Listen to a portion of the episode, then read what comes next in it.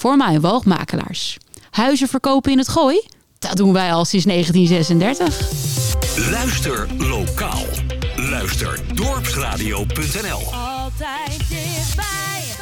Penny Lane, there is a bar showing photographs of every head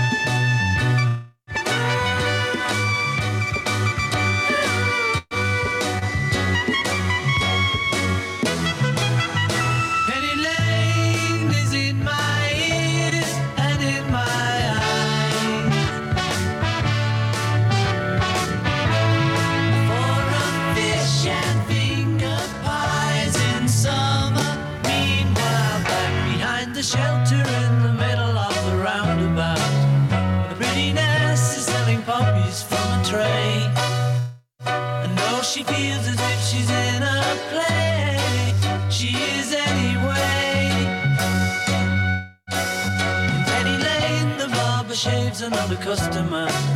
We see the banker sitting waiting for a trim.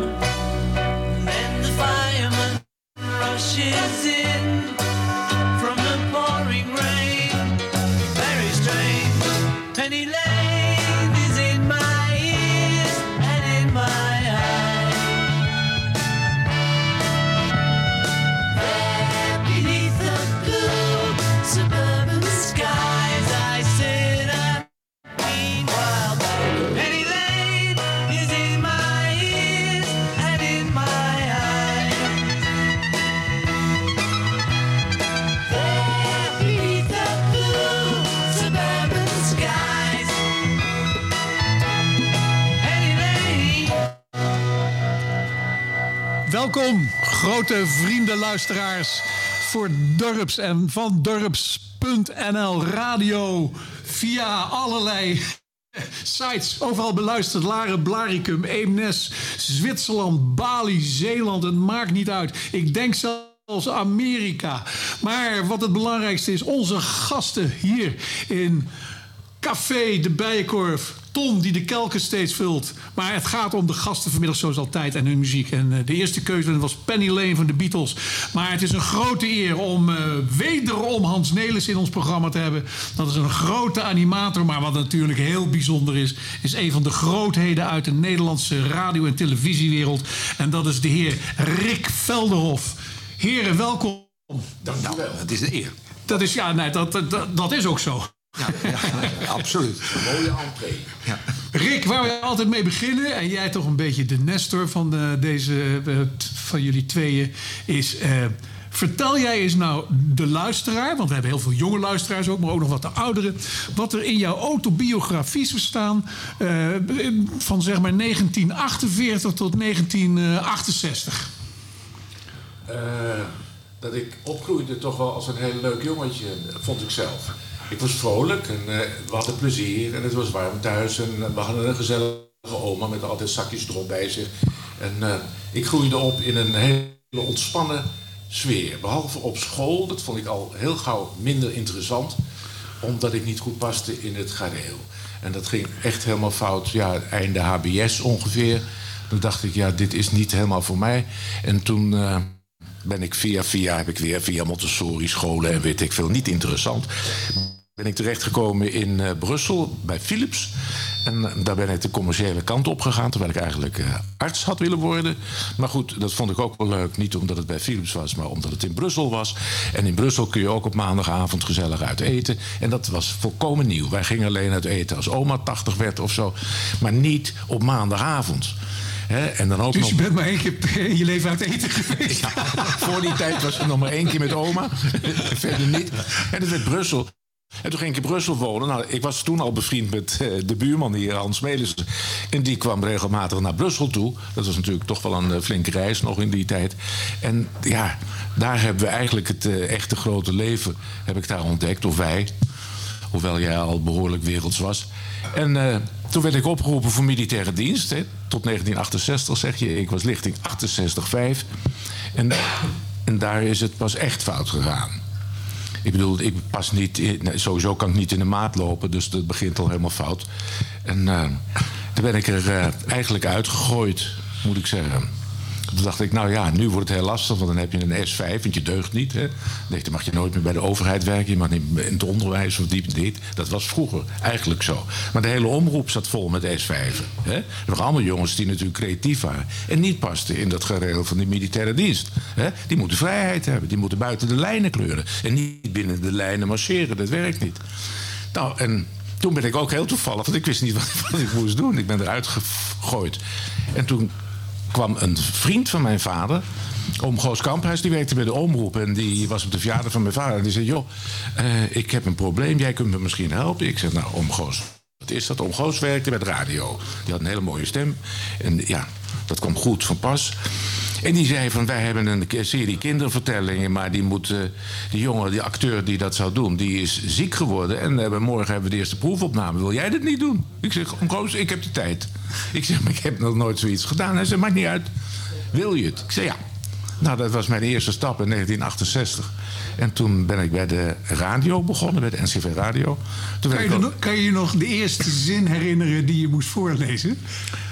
Eh, ja, de eerste zin to- toen ik van het vertellen, dat zingen en vertellen heette dat programma. Dus ik denk dat ik dat zou hebben verteld of gezegd. Maar dat was een opname. Maar de eerste live uitzending was in de, bij de omroepdienst. En dat is zoiets van. eh, Dames en heren, goedemorgen. Dit is Hilversum 1, de NCRV. We gaan eerst luisteren naar het nieuws. Dat was mijn eerste officiële zin. Ja, En daarna zijn er 40 jaar aan vastgeplakt. Helemaal mooi. Ehm, ja, we gaan allemaal muziek draaien. Ja, ik heb, kijk, eh, Hans, jij bent, eh, ja, wij thuis zeggen altijd de holmaat van eh, Rick, want jullie kennen elkaar al zo lang. En jij zei ook, ja, moet je luisteren, ik heb de muziek allemaal uitgezocht, maar ik weet zeker dat eh, dit ook namens eh, Rick is geweest. Ja. En eh, jullie noemen elkaar dan af en toe ook wel eens Mr. Bojangles, of niet? Ja, natuurlijk. Maar als ik, noemt, zo noemt hij mij als ik door de kamer loop, als ik op visite ben. Dan, dan eh, zegt hij Mr. Bojangles tegen me. Dus, Gaan we, gaan we kijken hoe Nina dat... eh, normaal gesproken is Erik die er meteen op inhaakt, hoor. Maar eh, ja, doet hij dat Hij is een beetje traag vandaag, of niet? Nee, het gaat goed toch? silver hair, a ragged shirt, and baggy pants. The old soft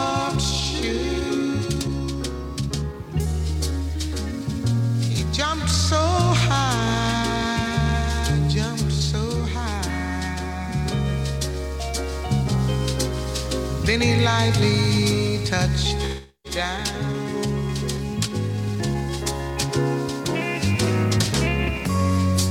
I met him in a cell in New Orleans. I was down now. He looked at me to be the eyes of age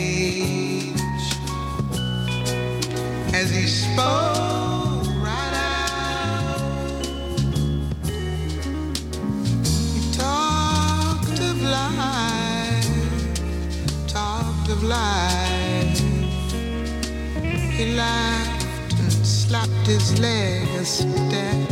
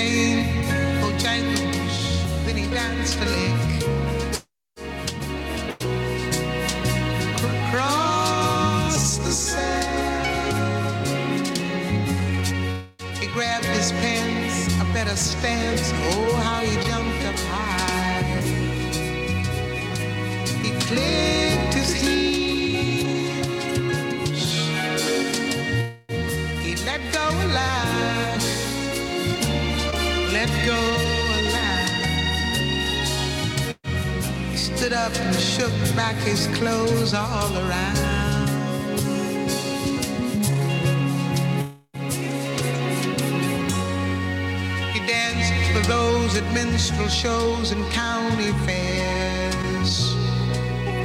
Throughout the South, he spoke with the tears of 15 years, how his dog and he traveled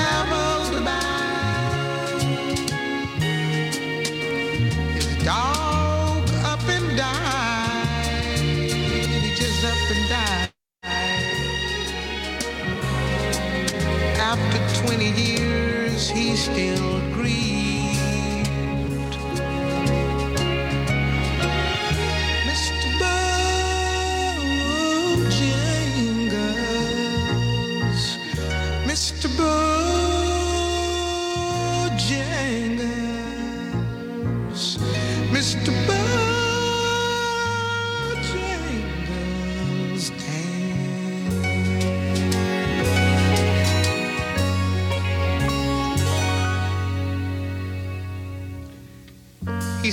dance now at every chance in hunky tonks for drinks and tips. But most of the time I spend behind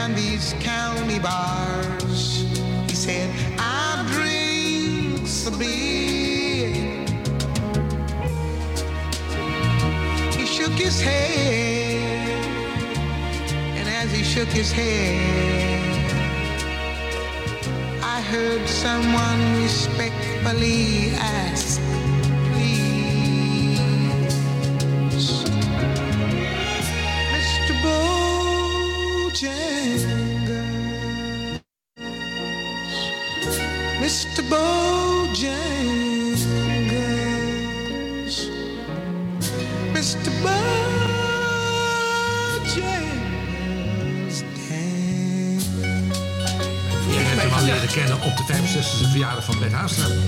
kenden elkaar al.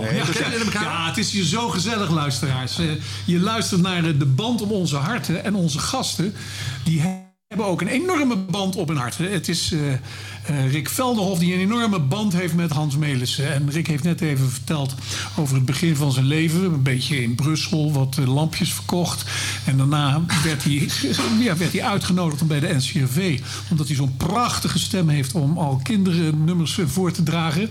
Maar er werd ook al genoemd dat jij, Hans, regelmatig bij hem kwam in Brussel. Ja, omdat we hadden, we hadden elkaar leren kennen op de middelbare school. En op wonderbaarlijke wijze waren wij eh, bevriend geraakt. En eh, eh, ja, die, die vriendschap die ging al door buiten de school om. Want ik, vlak nadat dat we bevriend raakten, werd ik van die school afgestuurd. Het was dus toen nog het christelijk lyceum in het Gooi. En, ehm, eh, maar we bleven bevriend. En toen Rick van school ging en naar Brussel ging, ja, bleef die vriendschap ook bestaan. En moest ik af en toe, ik had geen stuiver bijna, maar dan ging ik eh liften naar Brussel. Maar ik ben ook een keertje met het vliegtuig, vliegtuig naar Brussel gegaan. Met de KLM, want een broer van mij die werkte bij de KLM. En dan kon ik voor een kwart van de prijs kon ik vliegen. ik ben met het vliegtuig naar Brussel gegaan. Maar meestal ging ik liften. En dan, denk ik, eh, dan, eerst van Hilversum naar de Utrechtse brug in Amsterdam. Om daar met een bordje richting eh, Antwerpen, Antwerpen, Brussel. En dan gingen wij eh, in de weekenden gingen wij eh, uit in Brussel. Dat was echt een wereldstad. Vergeleken met Nederland. En het leefde tot en met. En de kroegen daar, er was iets heel bijzonders. Er bijvoorbeeld een, een jazzclub. Pols Jazzclub. En Pols Jazzclub, die, daar gingen wij vaak naartoe. Dat was een gezellige, die was nog heel laat open. En we zitten er op een avond en eh, ik denk om een uur of half drie, drie uur, komt de politie binnen. En de tent moet sluiten. En eh, we gaan allemaal naar buiten. En Iedereen ging naar buiten. En, eh, nou, en we staan buiten en iedereen blijft buiten staan. De politie gaat weg. En de deur gaat weer open. En iedereen gaat weer naar binnen. En die Pol is een grote kale vent. Kon een broer van je zijn. En die, die ik zeg tegen hem, ik zeg, wat is dit? Hij zegt, ja, ah, wel. Hij zegt, maar er zijn hier eh, eh, wel eh, sluitingstijden, maar geen officiële openingstijden. Dus we kunnen elk moment weer open gaan. Nou, dat was Brussel voor ons. Dus dat was een, eh, schitterende belevenis. En die, die vriendschap is nog eenmaal ja, door en door gebleven. Maar hoe zou jij, eh, ik ga het jou ook straks vragen, hoe omschrijf jij de band om je hart met Rick? Ja, het is een, eh, eh, elkaar woordeloos begrijpen. Dat is eigenlijk wat je. eh, wij kunnen gewoon precies op hetzelfde moment hetzelfde denken, zonder dat we dat hoeven uit te spreken. Dat is eigenlijk wat je, wat je doet. En dat je een enorm veel plezier samen hebt. We hebben, dat, we hebben dat ontdekt in de loop der tijd, al heel vroeg, dat wij op dezelfde moment om dezelfde dingen moeten lachen. Zonder dat het uitgesproken is. En dat hebben wij genoemd hekjeshumor.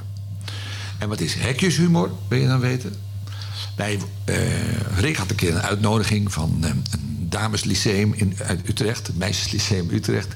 En Rick zat in het schoolbestuur van het Lyceum, van het leerlingenbestuur. En die kreeg een uitnodiging van een meisje wat in het bestuur zat van het, van het, het meisjeslyceum. Dat had ik toen nog. En hij zegt, ik heb een uitnodiging in Groene Kam. En ga je mee? Hij zegt, eh, eh, die hebben een soort eh, feestavond met allemaal meiden. En nou, willen een paar jongens hebben die, eh, die, die daar langskomen.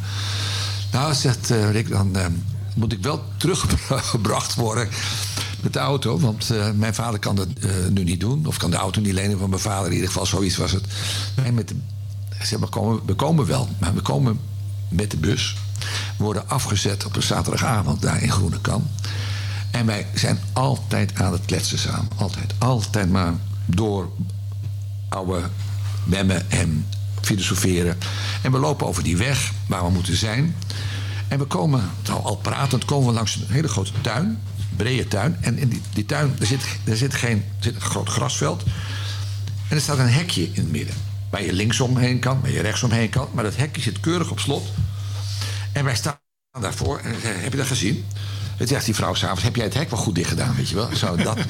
en dat is waar wij overal aan het filosoferen. Zo van een beetje aan het belachelijk aan, het belachelijk aan het maken... dat ik een hekje heb voor iets wat helemaal niet afgesloten kan worden.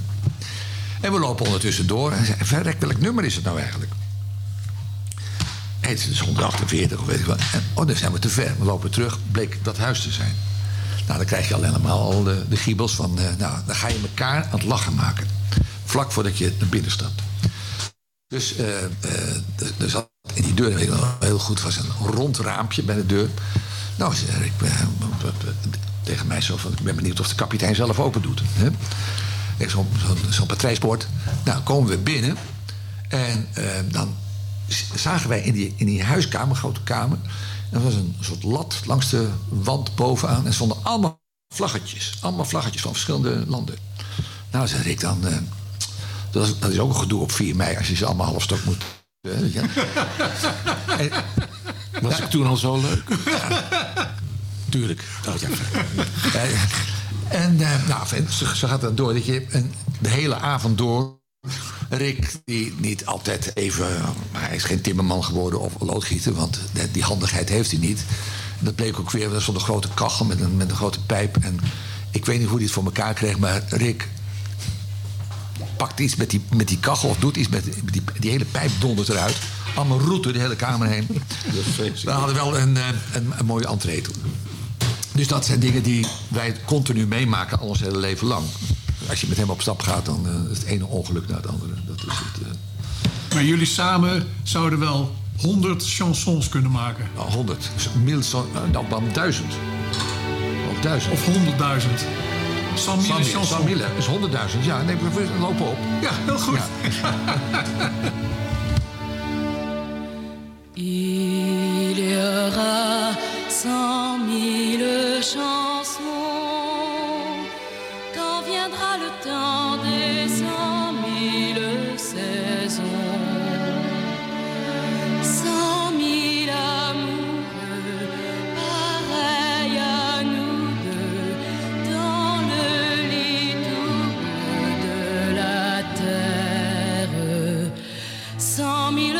Chansons,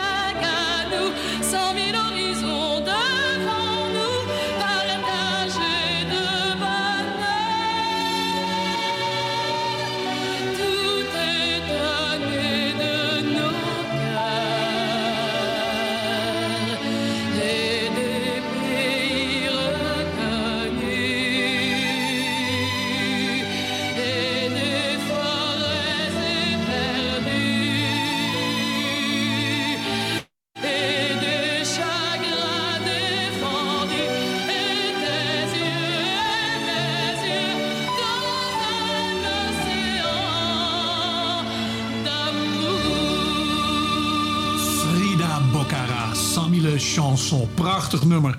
Uitgekozen door het duo eh, Hans Rick. Rick, ik heb net aan Hans de vraag gesteld: de band om zijn hart met jou. Maar wat is de band van jou met Hans? Nou, dat is eh, niet makkelijk in één woord te zeggen, maar ik kan wel. Je hebt alle tijd. Ik heb iets. Oh, dat is mooi. Maar ik benijd zijn vrolijkheid. Hij is een levensgenieter, dat ben ik ook wel een beetje. Maar hij is echt levensgenieter in het kwadraat. Hij is dubbel. Eh, wanneer ik nog beren op de weg zie of somberheid... dan weet hij er altijd eh, licht in te brengen. Hij heeft altijd zin in iets. Hij heeft altijd nieuwe plannen. En eh, gelooft er ook in. En dat vind ik een karaktereigenschap die heel plezierig is. Niet alleen voor hemzelf, maar ook voor de omgeving. Het is... ja, het is aanstekelijk. Het is niet besmettelijk, want ik neem het nog niet over. Ik ben wat eh, bedachtzamer met, met ideeën en plannen. Eigenlijk bij mij, als het al geslaagd is, dan roep ik nog tegen anderen van nou ja, misschien gaat het door. Begrijp je? En dan weet ik al lang dat het doorgaat. Dus ik doe het altijd, ik breng het succes gefaseerd. En nooit voor de, eh, de muziek uitlopen.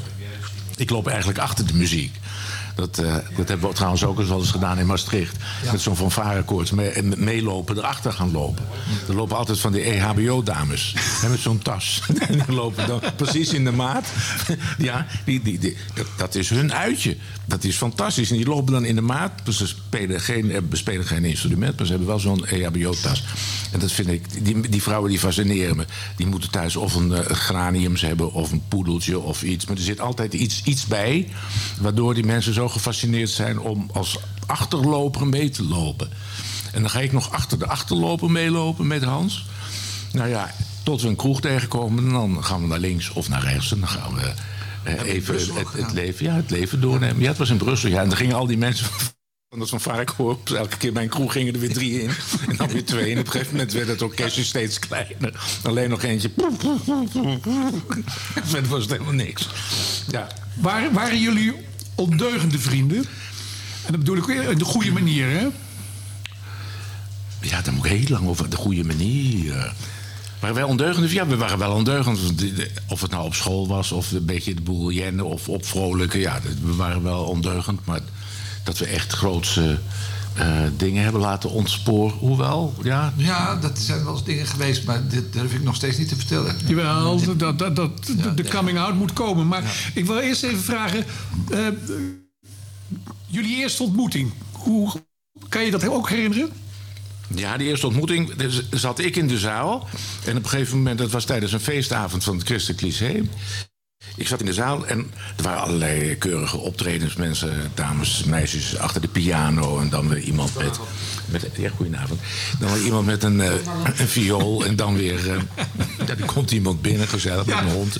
Ja, die is iets te vroeg. Goedenavond ook. Maar de, is de man die onze glazen vult. Oh, ik dacht dat het zijn broer was. Nee, ik ben toen... nee. Maar goed, ik zit in de zaal.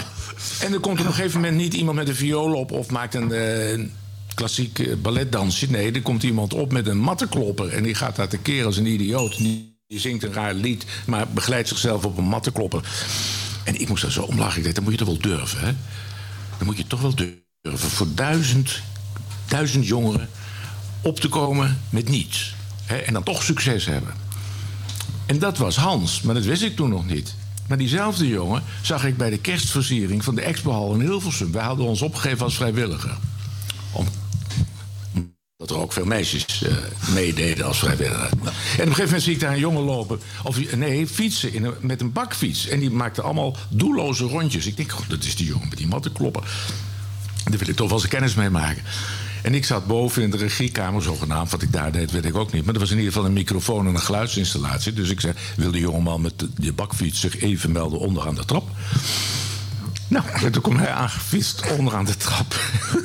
toen hebben we kennis gemaakt, ben ik ingestapt... en ben eigenlijk nooit meer uitgestapt. Zo hebben we elkaar leren kennen.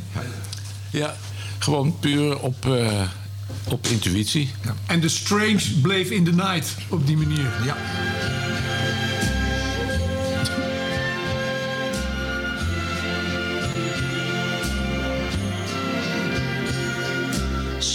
Strangers in the night, exchanging glances, wandering in the night.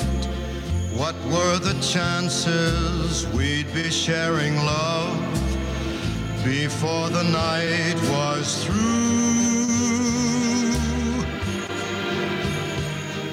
Something in your eyes was so inviting, something in your smile was so exciting, something in my heart told me I must have you.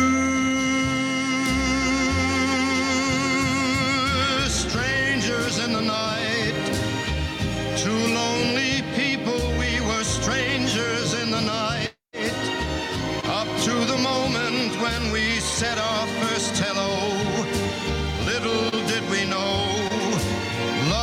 just a glance away, a warm embracing dance away. And ever since that night, we've been together, lovers at first sight.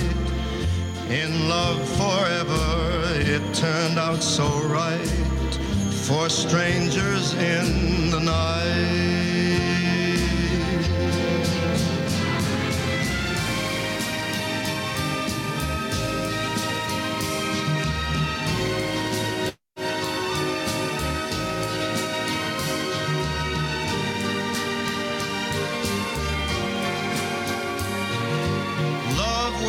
Just a glance away, a warm embracing dance away.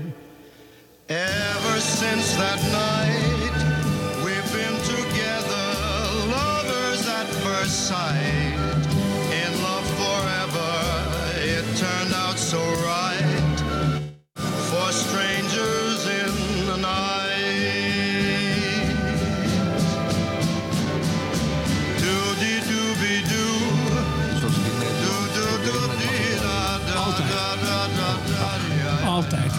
altijd, altijd, luisteraars. Want je moet altijd blijven luisteren naar het prachtige programma op donderdagmiddag tussen 2 en vier, ja, tussen twee en vier. Ja, ik wou zeggen tussen twee en zes. En dat komt omdat eh, onze gasten, eh, Hans Melissen en Rick Velderhof, een enorme muzieklijst hebben ingeleverd van wel 55 nummers. En, eh, heb je een beetje keuze, We hadden, een we, keuze. hadden de indruk dat ze niks te vertellen hadden, maar ze hebben zoveel te vertellen. En hier live vanuit de Bijenkorf midden in Laren. Mhm. En mocht u eens willen weten hoe Hans Melissen eruit ziet, dan eh, zou ik zeker langskomen. En Rick Velderhof, die geen jaar ouder geworden, dus die ziet er nog hetzelfde uit. Dus daarvoor kunt u rustig wegblijven. Nou, Maar in ieder geval, Strangers in the Night, Frank Sinatra. En jij schreef mij, ik heb daar een hele Ja, grappig ik heb dat- verhaal over. Het verhaal van meneer Cohen die komt aan in, eh, op eh, John F. Kennedy. Om, om zaken te gaan doen in New York. En die eh, loopt de aankomsthal uit. En daar komt meteen een, de chauffeur op hem af en zegt... eh, Mr. Sinatra, Mr. Sinatra, oh, nice. je- Kom on, kom on. Hij zegt, no, no, no, no, no ik, ik, ben, eh, ik, ik ben meneer Cohen. En meneer, no, no, Mr. Sinatra. En hij duwt er gewoon een hele grote, dure limousine. En bam, hij zit in die auto. Ik denk, van, ja, ga maar nou. Hij zegt, nou ja, kom, I bring you. En die man gaat, ja, de chauffeur. En dat zegt hij, denkt, nou goed, dan ben ik in ieder geval vast in het centrum van New York. En hij, hij klopt nog eens een keertje op het raampje. Want eh, er zit zo'n raampje eh, tussen, eh, tussen hem en, eh, en die chauffeur. Hij zegt, maar ik ben wel meneer Cohen. Ik moet... Mr. Sinatra, don't worry, don't worry.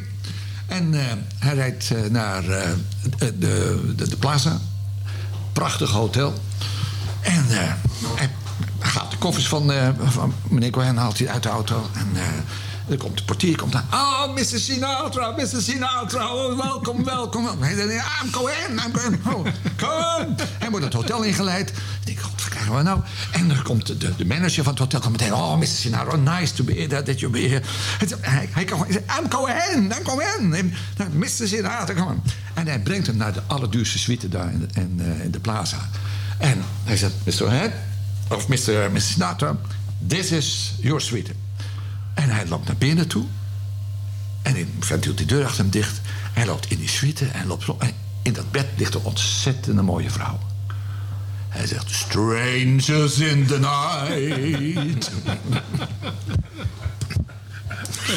ja. Kende jij hem al, Rick? Had hij dit al aan jou verteld? Nee, ik ben hem vergeten, denk ik.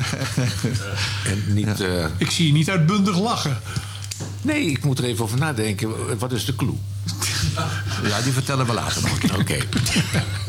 Ah, dit, zijn, dit zijn twee hele grote vrienden al van middelbare school. eh, en dat zal ergens begonnen zijn in de 60 jaren. Vandaar dat we ook heel veel muziek uit de 60 jaren hebben. Ehm Rick, je hebt net verteld de ongelooflijk optimisme van Hans. Maar Hans heeft eens een keer het verhaal verteld hier. Dat hij was leerling op de eh, filmacademie. En toen kreeg hij een, een, een, baantje bij een hele grote film. En toen werd hij meteen eh, hulpproducer. Kan jij dat nog herinneren? Ja. Ja. Hij liep... eh, Kan jij jouw, hij ging ook, jouw eh, versie daar eens van geven? Nou, hij ging ook meteen Amerikaans praten en zo, en Engels. Ik zei, ja, maar ik ben je vriend. En dan, nou, eh, nou, producer. en dit. En hij zag er eigenlijk nog uit als een, als een hippie met een beetje lange haar. Een beetje lange haar, lange haar en een snor en een pakje check. En, eh, maar hij kreeg... Hoe het kwam, misschien... Ik weet het niet, maar vanwege zijn, zijn eh, vrolijke blik. Maar hij was overtuigend in zijn verhaal geweest en werd daar aangenomen en heeft daar werk verricht. Waarvan ik dacht, nou, als dit eh, je eerste baan is, dan eh, gaan er nog heel veel leuke jaren volgen. Ook voor mij. Ik zeg, misschien kan ik je manager worden. Hè? Dat, was, eh, dat vond ik wel een goed idee. Zitten word ik je manager. Dan kunnen we de hele Had wereld maar gedaan. over. Ja. kunnen we de hele wereld over. Ja, dat weet ik nog heel goed. Hij bluft zich, hij kan zich heel goed ergens inbluffen. En weet het dan ook nog waar te maken ook. Dat is knap. Hè? Er zijn wel mensen die zich ergens in kunnen bluffen. Maar die struikelen halverwege of die zakken door de mand. Maar Hans die kan waarmaken wat hij eh, in het begin nog eh bluft. Jawel, maar dat kan je ook denk ik maar één of twee keer en dan houdt het ook op. En dan val je bij iedereen door de mand. Nou. Want jullie zijn samen later ook samen gaan werken echt voor serie of serieuze. Ja, ja, ja. ja maar bij, bij de radio eerst. Hè? En, eh, later heeft Hans mij gevraagd of ik mee wilde schrijven aan een televisieserie. Want hij was toen scenarist, of eigenlijk nog, maar in ieder geval toen actief.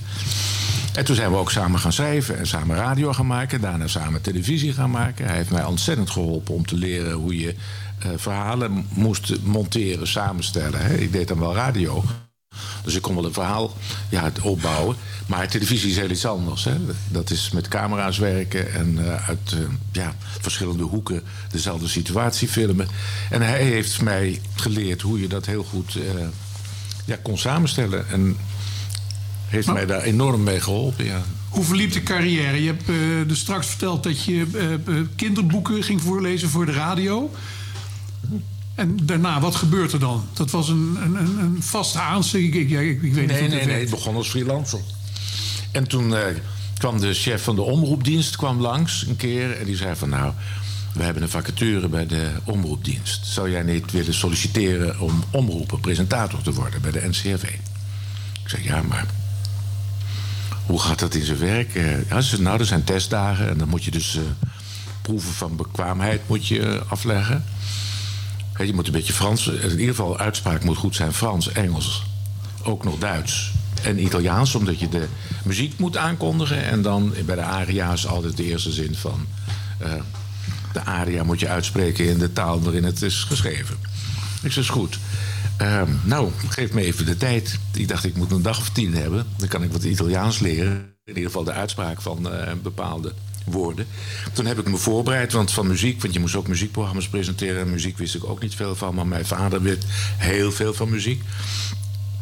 En die heeft uitgelegd, ja, er is allegro, er is andante... en het is eh, pizzicato en al die termen...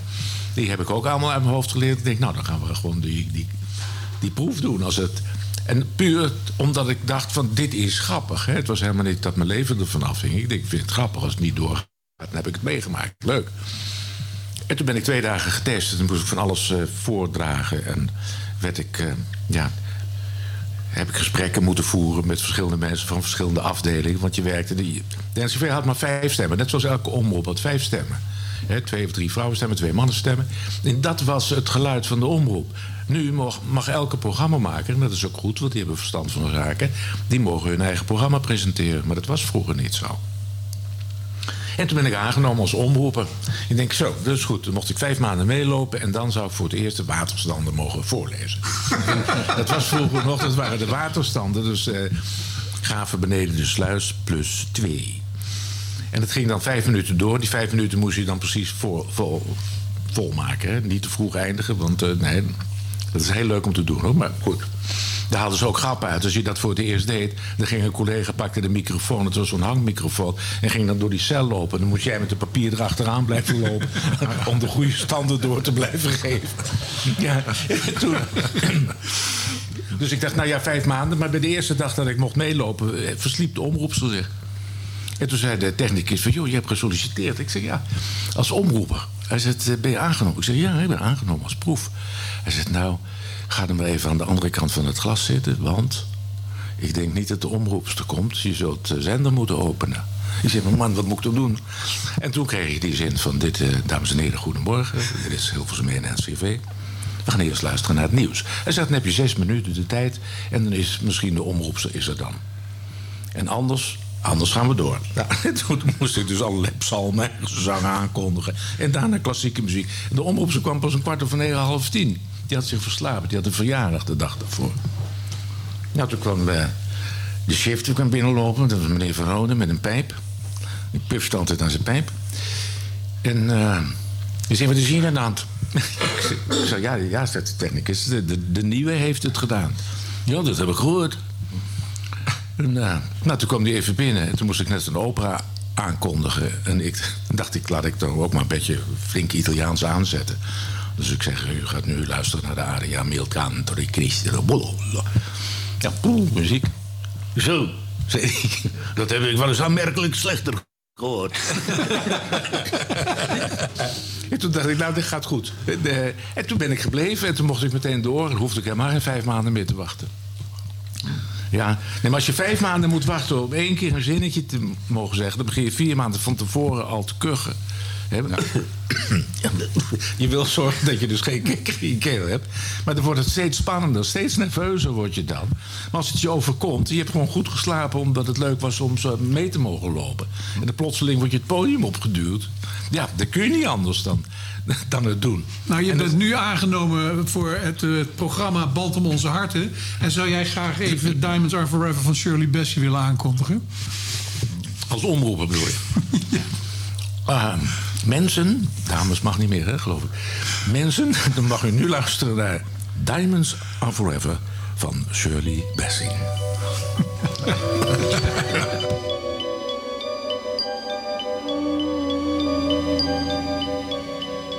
Diamonds are forever. They are all I need to please me. They can stimulate and tease me.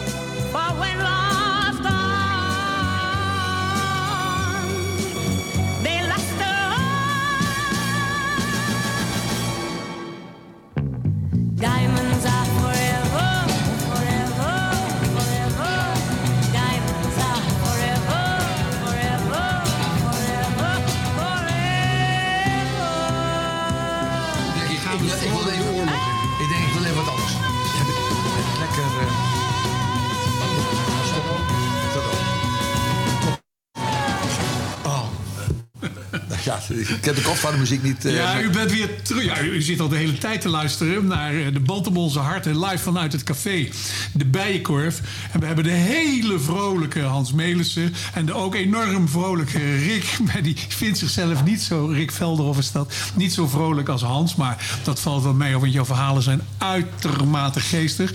Maar eh, Hans, we zijn even, gaan even naar jou toe. Ja. En ja, vertel toch nog even. Oh, nee, ik wil even inhaken op. eh, hoe heb jij dat meegekregen dat Rick een, een vaste aanstelling kreeg bij de radio? Ja, dat was een schok. Dat was een enorme schok. nee, die was geweldig. Het mooie was dat eh, ik zat ondertussen op de filmacademie. En Rick had zichzelf nooit gezien in de media. Rick had eerst een, een, eh, een ambitie die eigenlijk meer vanuit zijn moeder voorkwam... eh, om de medische wetenschap in te gaan. En eh, eh, die was eigenlijk al vervolmaakt toen wij vroeger... wij hebben ook samen enquêtes gelopen toen in onze, eh, in onze middelbare schooltijd. En die voor een groot enquêtebureau, Intomart. En dan liepen we in Amsterdam en konden we soms al... binnen de, een, een, een halve dag hadden we onze, onze dagtaak erop zitten. En dan gingen we naar de Bijkorf. En dan hadden we de, de gein om vanuit de Bijkorf zelf... had je ook telefooncellen. Dan belde ik vanuit de Bijkorf naar de Bijkorf. En dan, zei ik, eh, dan kreeg ik dan, ik zei, ja, eh, eh, dokter Velderhof die loopt u waarschijnlijk nu in de, de Bijenkorf. Die moet, moest boodschappen doen. Maar hij moet met, met spoed naar de operatiekamer komen in, eh, in de Wilhelminengasthuis. En zou hij dat willen op, omroepen? En dan liep hij rond en was het een hele mooie stem daar in het buikkorf. Boodschap voor dokter Velderhof. Dokter Velderhof met spoed naar de IC van het Wilhelminengasthuis, alstublieft. Het scheelde mij vijf jaar studie, hè, maar ik was het al. Hij was het al. Hij was het al. Dus dat, dat, eh, dat soort... eh, nou, dat, dat was je. Dus dat hoef, hoef je niet meer te gaan studeren. Nou, ik ging naar die filmacademie en, en Rick kwam bij de radio terecht. Nou ja, dat was natuurlijk wel op een of andere manier een hele mooie... Vooral toen, want dat omroepen was natuurlijk nog maar gewoon eh, werk. Maar al heel snel ging hij eigen programma's maken. Maar dat had men natuurlijk ook wel ontdekt dat het een geniale eh, idioot was. Die dus met de meest krankzinnige ideeën kwam. En dat ze dachten van laat hem zijn gang maar gaan. Want eh, dat zit wel goed. En toen ik van de filmacademie afkwam, toen heeft hij mij ook regelmatig erbij gevraagd om, om, om, programma's aan te vullen. Om eh, met hem ideeën te bespreken of met, om eh, een kleine bijdrage te leveren. En dat was, eh, dat was heel logisch. Ik moet zeggen, ik heb ontzettend veel plezier gehad van bepaalde programma's die hij gemaakt heeft. Eh, eh, dag. Eh, dat, Rick heeft op een gegeven moment, ehm, een, toen hij eenmaal flink was de Rick, radio- als het niet klopt of je wil het aanvullen, onderbreek je me. Ik Nou, weet dat je dat niet goed. Of dat je, daar, dat je net zo rustig bent als de presentator. goed luisteren en laat me doorlullen. Maar, Maar Rick corrigeren, maar als jij het iets anders ziet. Of nog leuker kan maken. Nou, hij kan het sowieso leuker maken. Hij maakt alles leuk. Want Rick had een... een eh, eh, hij kan het beter zelf vertellen over bijvoorbeeld de hemelsvaartsdagen en de nieuwjaarsdag. Waar hij speciale programma's voor bedacht. En, en waarom hij dat deed, dat is echt briljant. Vertel Nou ja, we hadden op Hemelvaartsdag of op Pasen, eh, maar meestal op Hemelvaartsdag... was zo'n hele zender leeg eigenlijk. Daar gingen de reguliere programma's niet door. En de meeste mensen die hadden toen al een gezinnetje en kinderen... en eh, die wilden graag thuis blijven. Dus ik gaf me altijd op als vrijwilliger... geef mij Hemelvaartsdag maar. En toen kregen we ook nog extra budget ook. En eh, toen heb ik programma bedacht. Ik denk, weet je wat, ik zou als ouderwets op expeditie willen. Eh, Dat lijkt me leuk, maar dat was natuurlijk onbetaalbaar om naar Afrika te gaan met expeditieleden enzovoort. En toen op een gegeven moment was Albert Schweitzer zoveel jaren dood. En dat viel samen met het internationale jaar van de telecommunicatie. En dat betekende dat we gratis de satelliet mochten gebruiken, waar je anders eh 100.000 schulden voor had moeten betalen. Die kregen we gratis aangeboden. En Albert Schweitzer was zoveel jaren dood. Ik denk, weet je wat, dan gaan we een expeditie uitrusten naar het hospitaal van Albert Schweitzer. Lambarene. Dat was er nog. En er was zelfs een zuster die altijd met hem had gewerkt. Die leefde ook nog. En toen heb ik expeditieleden erbij gezocht... die allemaal een soort karaktereigenschap, een karaktereigenschap...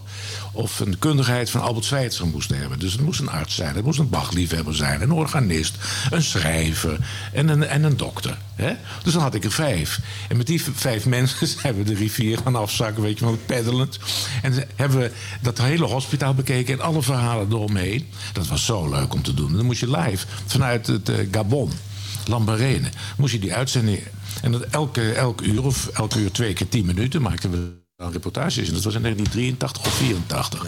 Maar dat is, Dus 40, 50 om die geleden. mensen bij elkaar te krijgen. Kijk, nu kan je alles googlen, maar dat is, dat is een hels werk waarschijnlijk. Ja, het is behoorlijk veel, eh, veel voorbereidend werk. En eh, ook via brieven natuurlijk. Hè. Je kon mensen wel bellen op een gegeven moment. Maar je moet ze dan toch officieel even uitleggen wat mijn plan is. En ik moest dat plan ook verdedigen.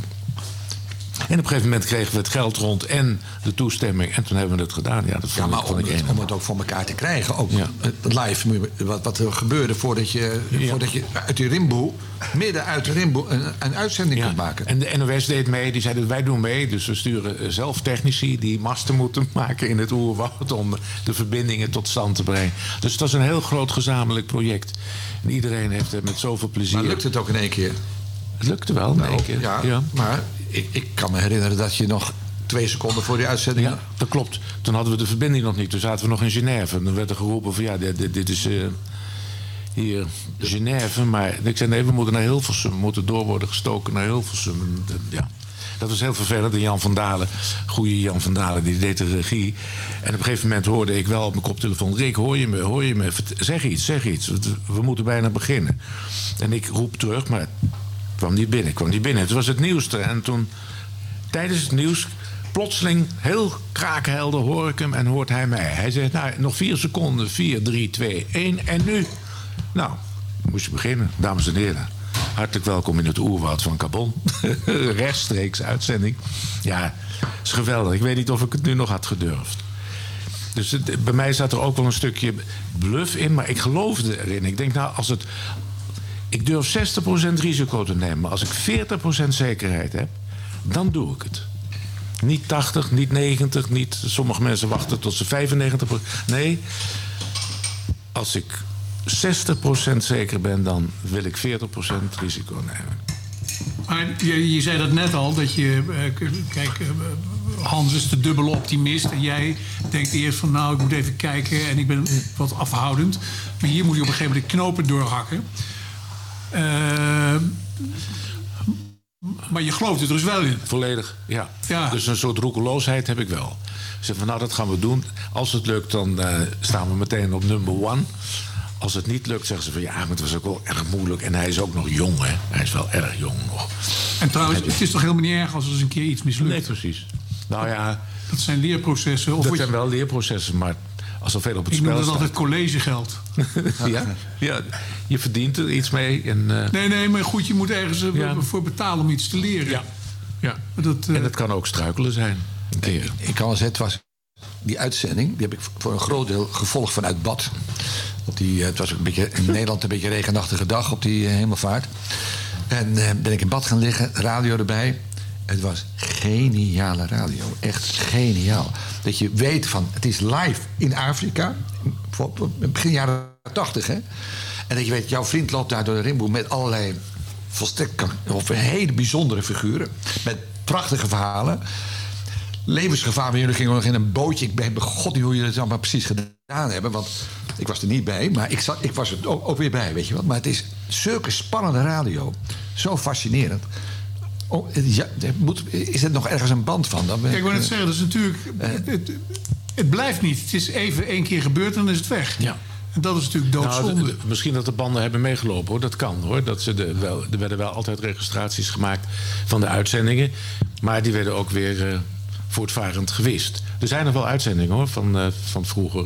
Maar van voor de deze zou heel interessant Ja. zijn om. eh, Ja, misschien voor moeten we kijken, beeld en geluid. Ze hebben een heleboel gedigitaliseerd. Ik weet dat er veel uitzendingen, ook radio-uitzendingen, dat die nog bestaan. Die kun je nog terugluisteren. Ja, Ja, maar wat ik wel begrijp, dat jij vanuit Afrika en jij vanuit het bad schreeuwde van... Ja. With a little help from our friends. Yes. Mooi bruggetje. Wat een brug.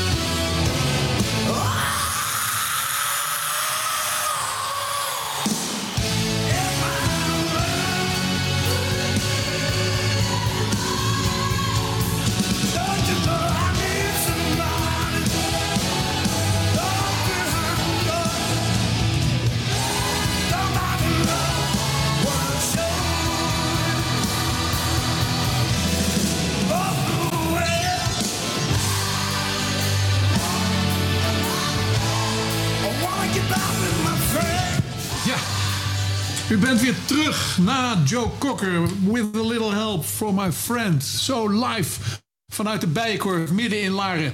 Met twee ongelofelijke leuke gasten. Hans Melissen en Rick Velderhof. Ze zitten tegenover mij en ze hebben het nog nooit zo leuk gehad in een radioprogramma. Dat is natuurlijk een enorm compliment voor dorpsradio.nl waar u naar luistert. Ehm, ja, jij hebt net het woord gehad, Hans. Je hebt eigenlijk al Ja, tijd ik heb wel het woord. Nee, maar dat is... Ik heb niks meer te vertellen. Jawel, je hebt heel veel te vertellen. We, we hebben het, jullie zijn hele goede maten. En Rick is, eh, heeft in, ja, heel veel grote dingen bij de radio, NCRV en televisie gedaan. Was het ook NCRV, Rick, eh, v- de Ja. Villa Velderhof? Is dat allemaal... Want vroeger werd je niet aangenomen als je niet gelovig was, hè? Nee, ik ben heel trouw gebleven aan de NCRV. De NCRV is ook heel lang heel trouw gebleven naar mij toe. Ja, je moest wel van een zekere huizen zijn, ja. En eh, dat was ik. Ja, er is ook niks mis mee. Protestant. Nee, het is- Ja. Ehm, Ik heb me er altijd wel goed bij gevoeld hoor. Je, je moest dan, en dat was een beetje, een beetje lastig in het begin. Je moest dan ook psalmen en gezangen voordragen en in ieder geval aankondigen. En ik weet nog wel dat ik dat Hans dan met een meisje in bed lag en dan deed hij de radio aan. En dan hoorde hij zijn beste vriend zeggen van... De Heer is mijn herder. toen begon hij vreselijk en dan vroeg dat meisje... "Wat- Waarom moet jij zo lachen, man? Toen zei hij De jonge heer is mijn herder. Zo kan die wel weer. Ja, nee, dat, dat is heel goed. Ehm, nou, je hebt, was dat het hoogtepunt voor jou, de eerste live-uitzending uit Afrika, behalve banden? Ja, het hoogtepunt. Maar, maar kijk, Hans praat er heel makkelijk over. Die heeft vele hoogtepunten gehad. Vooral dus bij jou. Ja, maar Rick kan ook wel, die heeft ook waanzinnig. eh, moet je- Hij is altijd erg bescheiden. Maar ook op Nieuwjaarsdag bijvoorbeeld. eh, ging hij dat ook claimen. Dat, dat zegt, nou, laat mij maar die uitzending op Nieuwjaarsdag doen. Nou, dat, dat heeft schitterende dingen opgeleverd. Ja, de- Zoals? Nou, ik had bedacht van we kunnen de staatslieden eh, en de koningen en de koninginnen eh, eh, in de omgeving van ons land, dan kunnen we toch de nieuwjaarswensen gaan aanbieden. Dat is, dat is vriendelijk, dat is leuk. Dan nemen we Hollandse spullen mee. Dan gaan we naar eh, Giscard d'Estaing, we gaan naar eh, Margaret Thatcher en we gaan naar. Eh, en daar had ik twee gasten voor nodig die, die mij begeleiden als delegatie. En dat was eh dokter Anders P. en eh Josette Hagedorn, de actrice. En daar hadden we een vliegtuigje. Sommige dingen hadden we van tevoren opgenomen. Die konden ze instarten. En andere dingen waren live. Zoveel mogelijk live. De, bij Frankrijk was live. En dan hadden we ter plekke dus allerlei mensen die die staatslieden speelden. en dokter Anders P. die maakte voor ons al liederen. Hè, we hadden, elke uitzending hadden we een thema en dan maakte hij een lied bij. Zo is bijvoorbeeld Heen en Weer ontstaan. Het, het pontje. Gaan we, gaan we straks draaien. Gaan we straks daar. Maar goed, Oh nee, hij kan dus... vertel eh, over heen en weer. Ja, en eh, wij maakten een uitzending over pontjes. En toen heeft hij dat beroemde lied Heen en Weer eh, gemaakt. En hij heeft nog meer mooie liederen gemaakt. Allemaal naar aanleiding van de programma's en de thema's die wij verzonnen. Maar hij had ook eh, prachtige liederen gemaakt. Sommige zelfs in de helft Frans en de helft Engels. Die hij ter plekke zong. Met begeleiding van een soort ukulele. Vreselijk lullig allemaal. En dan kwam de Franse president. En dan Josette Hagedorn. Ontzettend leuke actrice. Oh, monsieur le président. Nous sommes de la Hollande. Ja, zit P dan. hè? En nous avons Was hij dan echt of was het Ja, ook- hij was echt. Oh, je ging echt naar hem toe? Ja, naar Giscard. Nee, die werd gespeeld door een Franse acteur. Oh, die hadden we ja, ja, ja, ingehuurd. ja, hè? ja, ja, ja, ja, nee, was maar waar.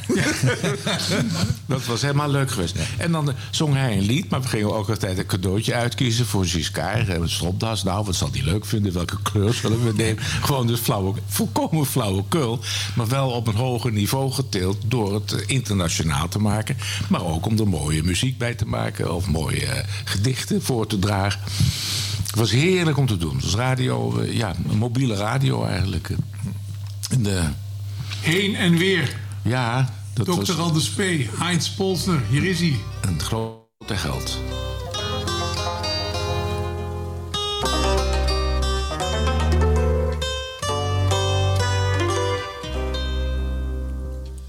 Wij zijn hier aan de oever van een machtige rivier. De andere oever is daar ginds en deze hier is hier. De oever waar we niet zijn noemen wij de overkant. Die wordt dan deze kant zodra we daar zijn aangeland. En dit heet dan de overkant. Onthoudt u dat dus goed. Dit is van belang voor als u oversteken moet. Dat zou nog best eens kunnen, want er is hier veel verkeer. En daarom vaar ik steeds maar vice versa heen en weer. Heen en weer. Heen en weer. Heen en weer. Heen en weer. Ik breng de mensen heen, ik breng weer anderen terug. Mijn pont is als het ware ongeveer een soort van brug. En als de pont zo lang was als de breedte van de stroom, dan kon hij blijven liggen zei me laatst een econoom. Maar dat zou dan weer lastig zijn voor het rivierverkeer. Zodoende is de pont dus kort en gaat hij heen en weer. Dan vaart hij uit, dan legt hij aan, dan steekt hij weer van wal. En ondertussen klinkt langs berg en dal mijn hoorngeschal. Heen en weer, heen en weer, heen en weer, heen en weer. En als de pont dan weer zijn weg zoekt door het ruime sop, dan komen er werktuigelijk gedachten bij me op. Zo denk ik dikwijls over het geheim van het bestaan. En dat ik op de wereld ben om heen en weer te gaan. Wij zien hier voor ons oog een onverbiddelijke wet. Want als ik niet de veerman was, dan was een ander het. En zulke overdenksels heb ik nu de hele dag. Soms met een zucht van weemoed, dan weer met een holle lach. Heen en weer, en weer, heen en weer, heen en weer, heen en weer,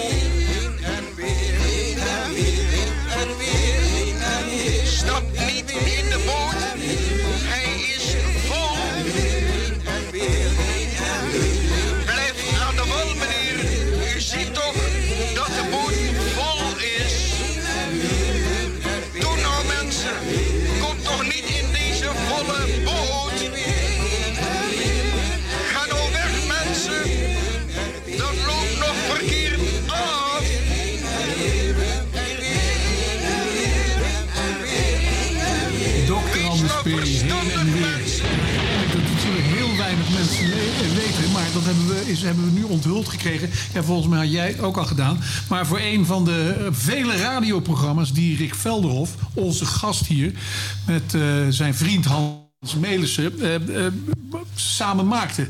Dan had hij een raar onderwerp. Ik heb begrepen dat ze hadden dus een, een reportage, een radio reportage over een pontje. En dan vro- vroegen ze Heinz Polster... kan je dat even, dokter Anders Spelers... kan je niet even nummers schrijven? Daar is dit uitgekomen. Briljant. Ehm, Rick, je bent eh, nou, ja, in mijn optiek heel bekend geworden omdat ik ooit ook een keer heb in mogen zitten in uh, Rozengeur en Prikkeldraad. Daar had je natuurlijk al hele vreemde gasten. Want anders had je Toon, en, eh, Toon de Vriezen. Dat was de gynaecoloog hier in het dorp. En eh, mijzelf op de golfbaan. Maar daarna ben je heel voorzichtig de televisiewereld ingerold.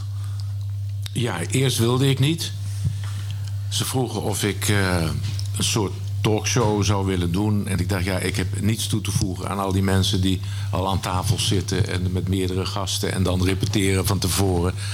En eh, ik vond het allemaal te ingewikkeld. Ik was er ook niet zo geschikt voor. Ik deed voor radio, deden we toen de tafel van vier. Dan gingen we problemen van luisteraars, legden we voor aan een panel. En eh waar Klazien uit Zalk uit voort is gekomen. Weet je wel, de oude kruidenvrouw. En eh, Oh, die, ja. zat, ja, die zat toen in het panel. En eh Daan Modderman, de grote natuurliefhebber uit eh Onzalige Bossen. Gekke Keetje Ruizenveld, een feministe. En, en nog iemand, oh ja. Maar dat was niet- van- Maar dat was niet... Baantje, baantje, ik wou het zien, maar dat was niet de reguliere geneeskunst en eh, Nee, nee, nee, nee, nee, nee. psychoanalyse. Nee, dat was kruiden, kruidentaal. Ja, en ehm, toen vroegen ze of ik televisie wilde gaan doen. En dat heb ik gezegd van nee, ik wil, wat ik wel wil doen is hele bijzondere mensen interviewen. Maar ik wacht tot ik het zelf kan doen zonder dat er een heel team mee moet. Hè. Dus en, en, eh, en een producer en een regisseur en nog iemand van de productie en nog iemand die. Dan krijg je zo'n eh, soort toneelstuk. Ik dacht, ik moet zelf met mijn bandrecordertje. Nou, dat kon dan niet, maar wel met een camera. En verder geen mensen erbij, alleen een cameraman en een geluidsman met z'n drietjes. En dan één iemand die ons hielp met de productie. En dat was eigenlijk het hele team. En toen, zijn we, toen is de stoel eruit voortgekomen. Toen dacht ik, ja, ik heb een talkshow, maar ik doe het heel anders. Ik neem de stoel mee het land in. Zelfs naar het buitenland. En dan laat ik mensen plaatsnemen met een bijzondere levensvisie. Of die op een hele bijzondere manier in het leven staan. Of wonen. Sommigen woonden in een hut. Sommigen woonden onder de grond. Of in een eigen, eigen bos. Of op het water. Of in een verbouwde boot. Maar in ieder geval hadden ze erover nagedacht. Dat ze hun leven anders wilden indelen en anders wilden beleven dan een gemiddelde Nederlander of Belg. En juist dat afwijkende, en als je daarnaar luistert, is het heerlijk om eens een keertje de spiegel te kantelen en de zaken van een hele totaal andere eh, zijde te bekijken.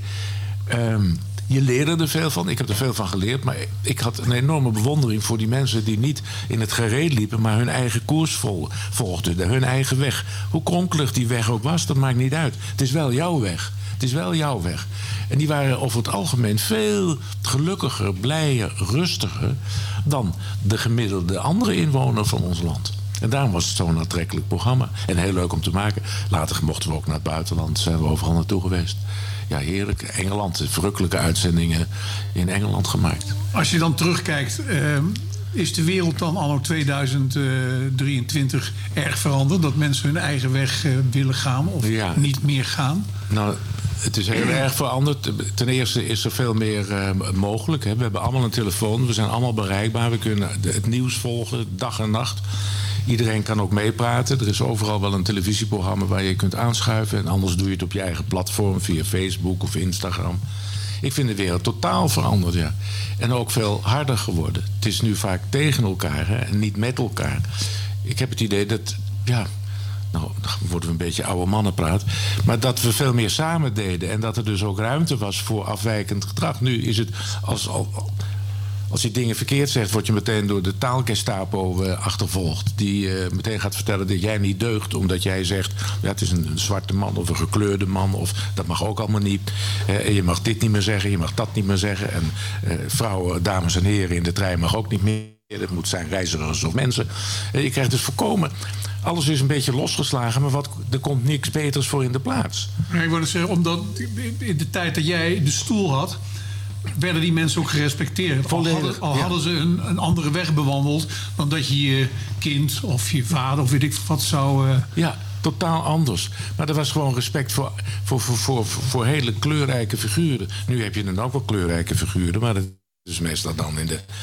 Hoe heet het? Nou, je hebt, hier, je hebt door, door, de, door de Twitter, krijg je, terwijl het maar een kleine groep is wat op Twitter zit, krijg je meteen over alles, wordt er een commentaar geleverd door mensen die live televisie zitten te kijken, op alles meteen reageren, voor of tegen.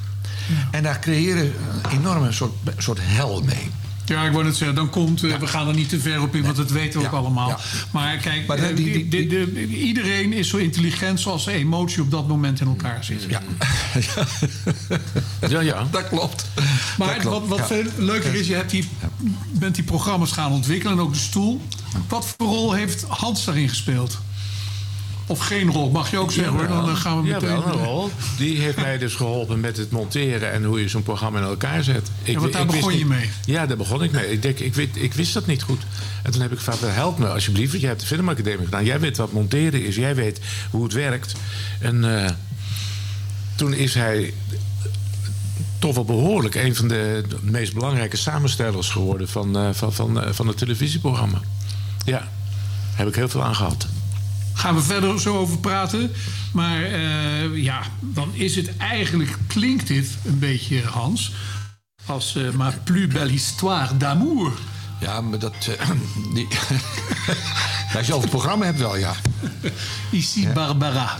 Du plus loin que me revienne l'ombre de mes amours anciennes, du plus loin du premier rendez-vous,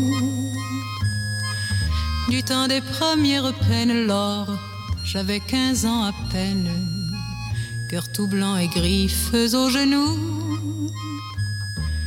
Que ce fut, j'étais précoce, de tendres amours de gosse, ou les morsures d'un amour fou. Du plus loin qu'il m'en souvienne, si depuis j'ai dit je t'aime, ma plus belle histoire d'amour, c'est vous. C'est vrai, je ne fus pas sage et j'ai tourné bien des pages sans les lire blanches et puis rien dessus. C'est vrai, je ne fus pas sage et mes guerriers de passage, à peine vus déjà disparus. Mais à travers leur visage, c'était déjà votre image, c'était vous déjà et le cœur nu. Je refaisais mes bagages et poursuivais mon mirage.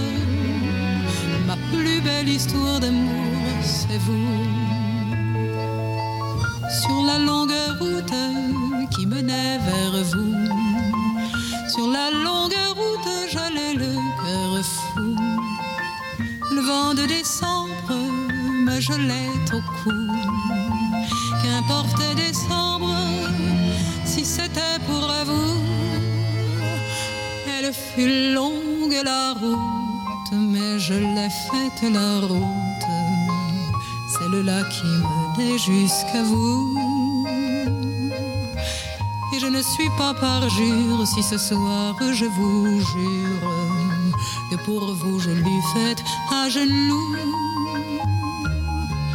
Il en eût fallu bien d'autres que quelques mauvais apôtres, que l'hiver ou la neige à mon cou, pour que je perde patience et je calmé ma violence. Ma plus belle histoire d'amour, c'est vous. D'automne, de nuit, de jour et personne, vous n'étiez jamais au rendez-vous. Et de vous perdre en courage, soudain me prenait la rage. Mon Dieu, que j'avais besoin de vous.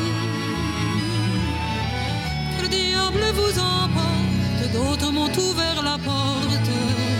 Heureuse, je m'en allais loin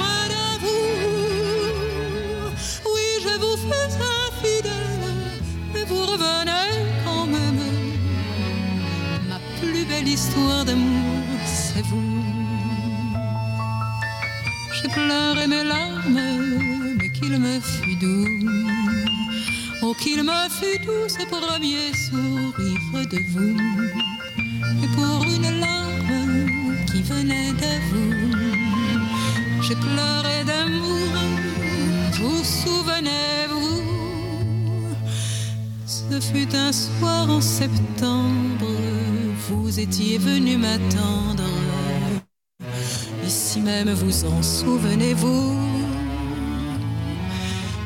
À vous regarder sourire, à vous aimer sans rien dire.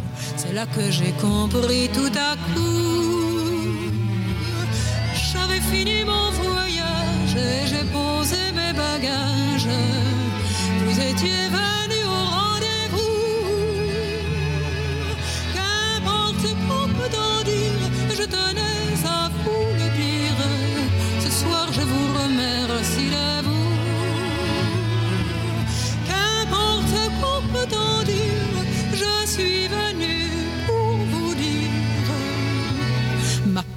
Belle d'amour, c'est vous.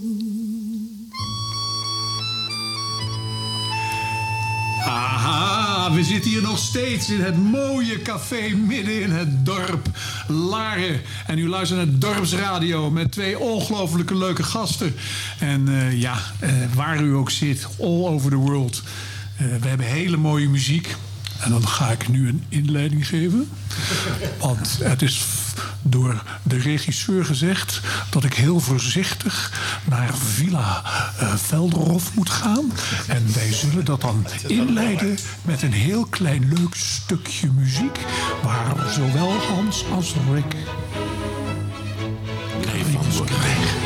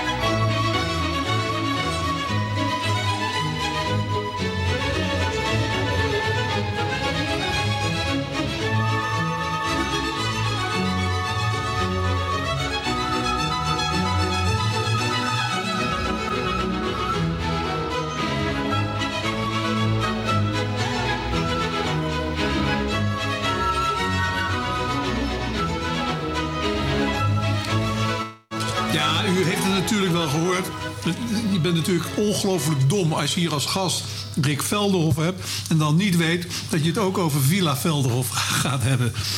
Rick, je hebt eerst de stoel gedaan. En daarna ben je in dit, eh, ja, ik denk toch wel unieke programma eh, ben je gaan maken. En vooral de jaloezie bij degene die nooit is uitgenodigd om bij jou in de villa te komen. Want je had de mooiste plekjes, de lekkerste maaltijden, de heerlijkste wijnen. En jij liet ook de mensen gewoon lekker hun gang gaan. Hoe is het ontstaan?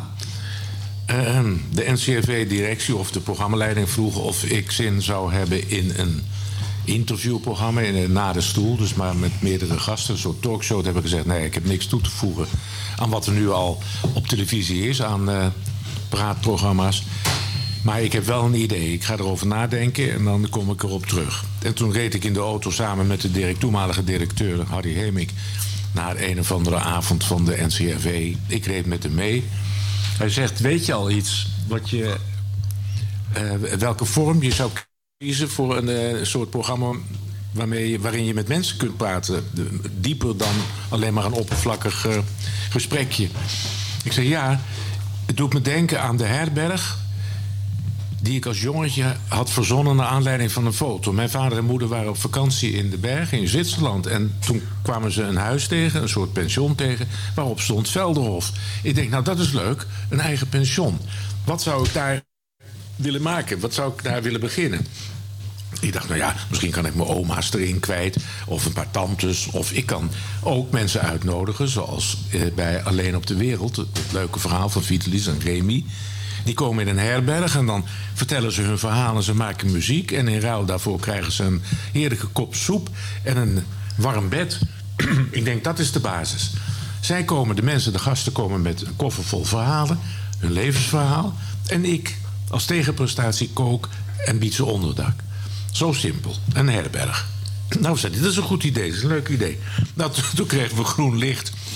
Ik zeg, wat mag het kosten? Ik zeg, nou, hij zei, het mag net zoveel kosten als een studioprogramma. Hè?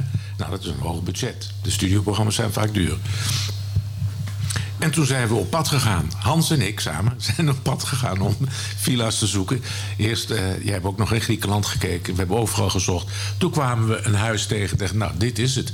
Dit is echt een prachtig huis, Saint-Tropez. Wij dachten, Saint-Tropez is veel te toeristisch. Maar als je daar in mei, juni bent, april, september... dan valt het heel erg mee. Maar het dorp heeft alles te bieden. De cafeetjes, de terrasjes, het water, de boten, de, de, de luxe ook. Maar ook de wijngaarden die helemaal doorlopen tot aan het strand. De omgeving, filmisch, geweldig. Sorry. En toen werd het uitgezonden.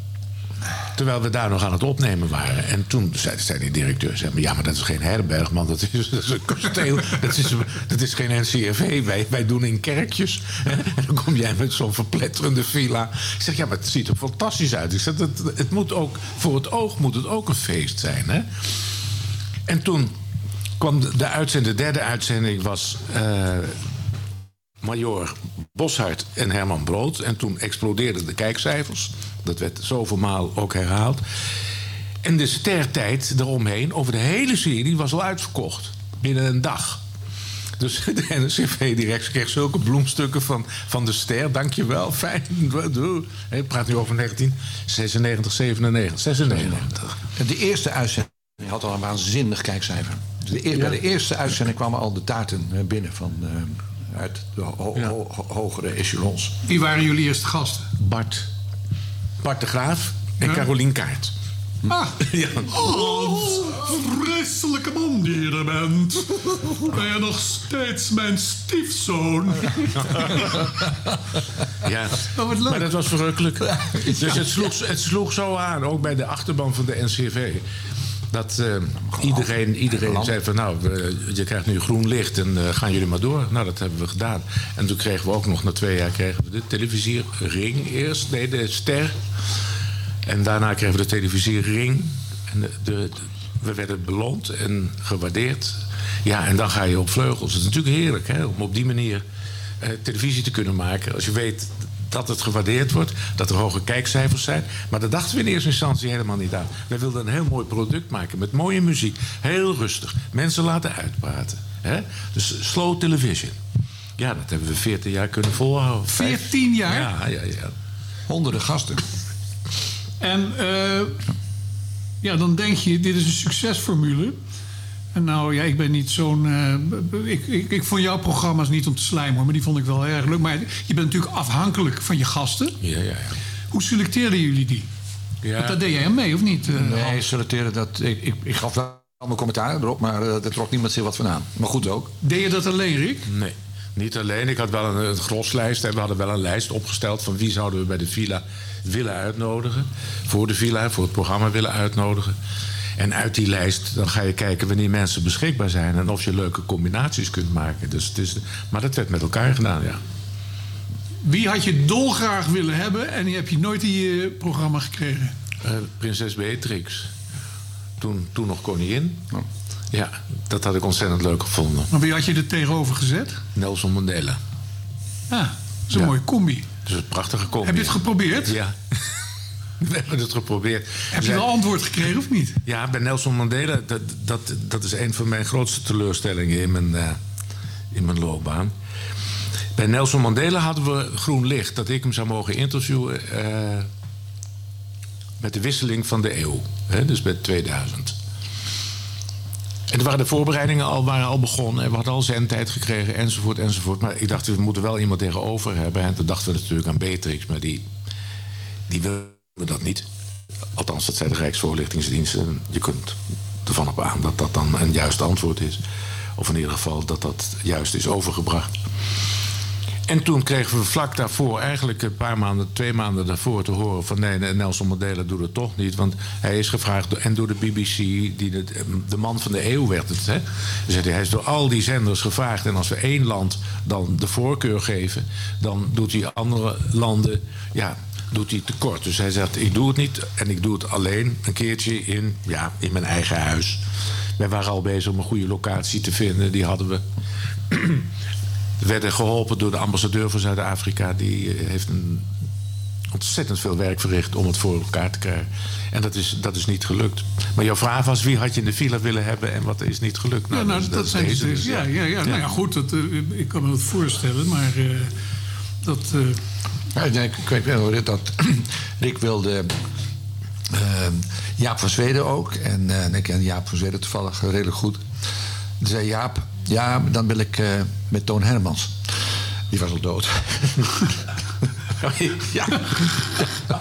Dan kom ik zitten. hij, was, hij was op de hoogte. Ja. Nee, Of was dat wel. typisch Jaap? Dat van Zweden had wel humor. Ja, tuurlijk. Wat heet, wat heet, wat heet. Waanzinnige humor. Ongelooflijke humor. Ja, heeft hij nog steeds hoor. Maar hij wilde aanvankelijk dus niet. Nee, hij had veel te druk allemaal. En, eh, het was een beetje zo van... eh, En dan moest je het alleen maar doen eh, met een foto. ja, Nou ja, of een, eh, een pop. Dat doen we dan. Ja. Foto van vroeger. Rob de Nijs.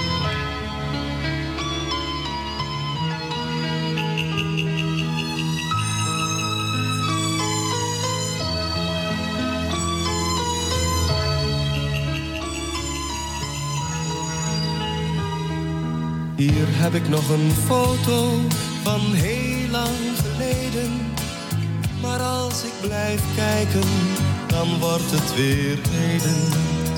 Gemaakt op de ochtend van mijn vijfde verjaardag. De kamer vol slingers, het cadeau dat al klaar lag. Het schippersklaviertje, de wens van mijn dromen, heb ik smiddags nog mee naar het circus genomen. En brandweerman worden was het doel van het leven. Die dromen zijn over, het gevoel is gebleven. Diep in mijn hart verlang ik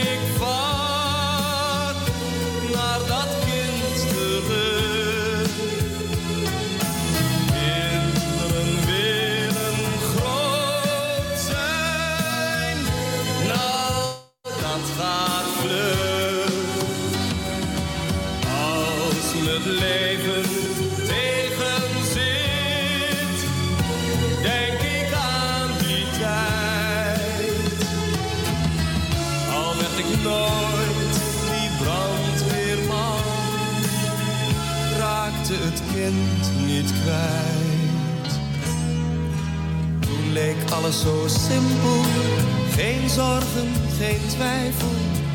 Van God kwam het goede en het kwaad van de duivel. De klok aan de muur hing daar puur voor het mooie. Ik had alle tijd in de buurt rond te schooien. Een zee was een slootje, een klomp was een bootje. En de dood was zoiets als de poes grootje. De wereld was niet groter dan de globe van vader. Ik kon hem met mijn pink om zijn as laten draaien. Diep in mijn hart verlang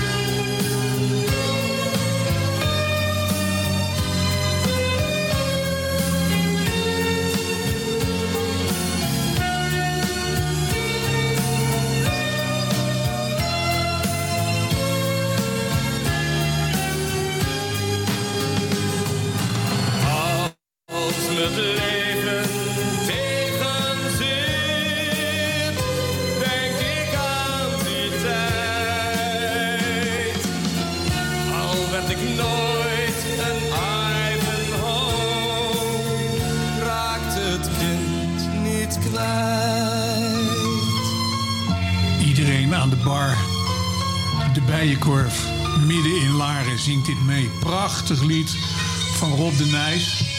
Eh, uw presentator wordt weer gebeld. Dat is altijd zijn zoon die even belt live, want dan komt hij ook even op de radio. Is Rogier dat? Dat is Rogier, ja, heel goed. Maar het gaat niet om Rogier nu, het gaat om onze gast Rick Velderhof en Hans Melissen. Eh, Rick heeft net even verteld hoe hij eigenlijk begonnen is met Villa Velderhof. En eh, je hebt daar ook een rol in gespeeld, Hans. Maar was dat jouw hoofdbaan? Want je hebt, kijk, Maar- ik, ik ken je eigenlijk via onze buurman Bert Haanstra. En dat Ja. is de filmindustrie. Ja, dat is eh, waar ik me natuurlijk ook heel lang in eh, begeven heb. Eh, als het maar creatief is en, en als ik daar een bijdrage aan kan leveren. Dat was het is eigenlijk wel een bijzonder verhaal hoe ik bij Bert weer kwam. Ik kende weliswaar zijn zoon goed, Rimco, waar ik mee op de filmacademie zat.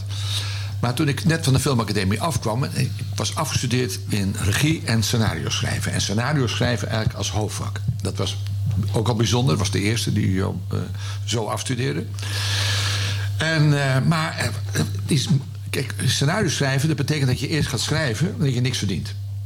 Dus je moet heel lang schrijven en dan moet je eens indienen... en dan moet je maar hopen dat dat geld oplevert. Dus dat is een, nog wel een ingewikkelde weg. Je bent heel lang... sta je met een hand leeg... en je moet wel eten. Nou, af en toen eh, ben ik al heel snel ook begonnen bij... Rijke vrouw, Hans. Rijke vrouw. Ik had eh, toen nog... eh, had ik alleen maar studenten, dus die waren allemaal, die hadden alleen, waren alleen maar behoeftig. En, eh, dus daar, daar kon ik niet zo... Kon ik niet, op, kon ik niet op leunen. En ik kon ze ook niet uitzetten in Amsterdam, want daar waren ze te fatsoenlijk voor. Dus, eh, dus ik moest het zelf zien te regelen. Nou, ik kwam Rick onder de, om de hoek kijken. Die zei, nou... eh, kun jij wat doen? Had ook een, een programma voor kinderen. Dus dan ga ik hoorspelen maken met kinderen. En daar, eh, dat was ontzettend leuk om te doen, die hoorspelen met kinderen. En toen eh, eh, werd ik gebeld door een eh, jongen die eh, kinderfilms maakt. Hij zegt, eh, ja, jij schrijft de scenario's? Ja. Hij zegt, ik ga een kinderfilm maken, een speelfilm voor de bioscoop. Hij zegt, en, eh, eh, ik heb eh, eh, Willeke Alberti, eh, die wil meedoen. Maar eh, eh, ik heb geen vrouwenrol erin. Hij zegt, kan jij dan dat scenario herschrijven en daar een vrouwenrol in schrijven? Nou, dat heb ik gedaan. Toen zei hij, ja, maar jij hebt vroeger op de filmacademie... deed voor alles voor elkaar. En zei, zou jij ook de productie willen doen van die speelfilm? Ik zei, nou, dat is prima. Dan heb ik die, die productie gedaan. En die productie die moest voor een appel en een ei gemaakt worden. En eh, aangezien ik een hele grote familie heb... al mijn familieleden kon inzetten... en dan nog een aardige vriendenkring heb... waar onder andere de heer Velderhof eh, eh, toe behoorde. En de heer Velderhof heeft in deze film nog een politieagent gespeeld. En eh, dat was Oom Ferdinand en de toverdrank. Enfin, maar dat, er ging een soort mare door Nederland. Er is nu in een of andere hele brutale gozer. Ik toen 23, 24. En die produceert je film voor een appel en een ei. Hoe kan dat? Nou, zo kwam Bert Haastra op een gegeven moment op de radar. En die, zei- die belde me op en zei: Ik ga een speelfilm maken. Dr. Pulder zei: Papa, zou jij daar de productie van eh, willen doen? Dus ja, het, was, dat was natuurlijk een droom om met Bert Haastra te werken. Want ik had ook een gigantische bewondering voor die man. Maar dat betekent dus dat je gewoon de zakelijke leiding eigenlijk neemt van zo'n, van zo'n product. De hele eh, logistiek eh, zet je in elkaar. En je bent ook heel erg dicht betrokken bij het eindproduct. Nou, dat vond ik wel erg leuk. Zo kwam ook nog eens de, de, de film Rooie Zien om de hoek kijken. Van, eh, met, ook met Willeke Alberti. En, eh, maar op een gegeven moment had ik dat wel gezien, dat productie. Ik wilde gewoon schrijven. Ik wilde dat soort dingen doen. En toen, toen kwamen de eh, televisieseries. En toen kwam Rick op een gegeven moment met de vraag van... Goh, ze willen dat ik televisie ga doen. Kun je mij een beetje helpen? Dus dat is even heel kort. Maar werd bijvoorbeeld zo Villa Velderhof, werd dat uitgeschreven? Of werd er gewoon... Niks. Nee. Nee, we hadden geen draaiboeken.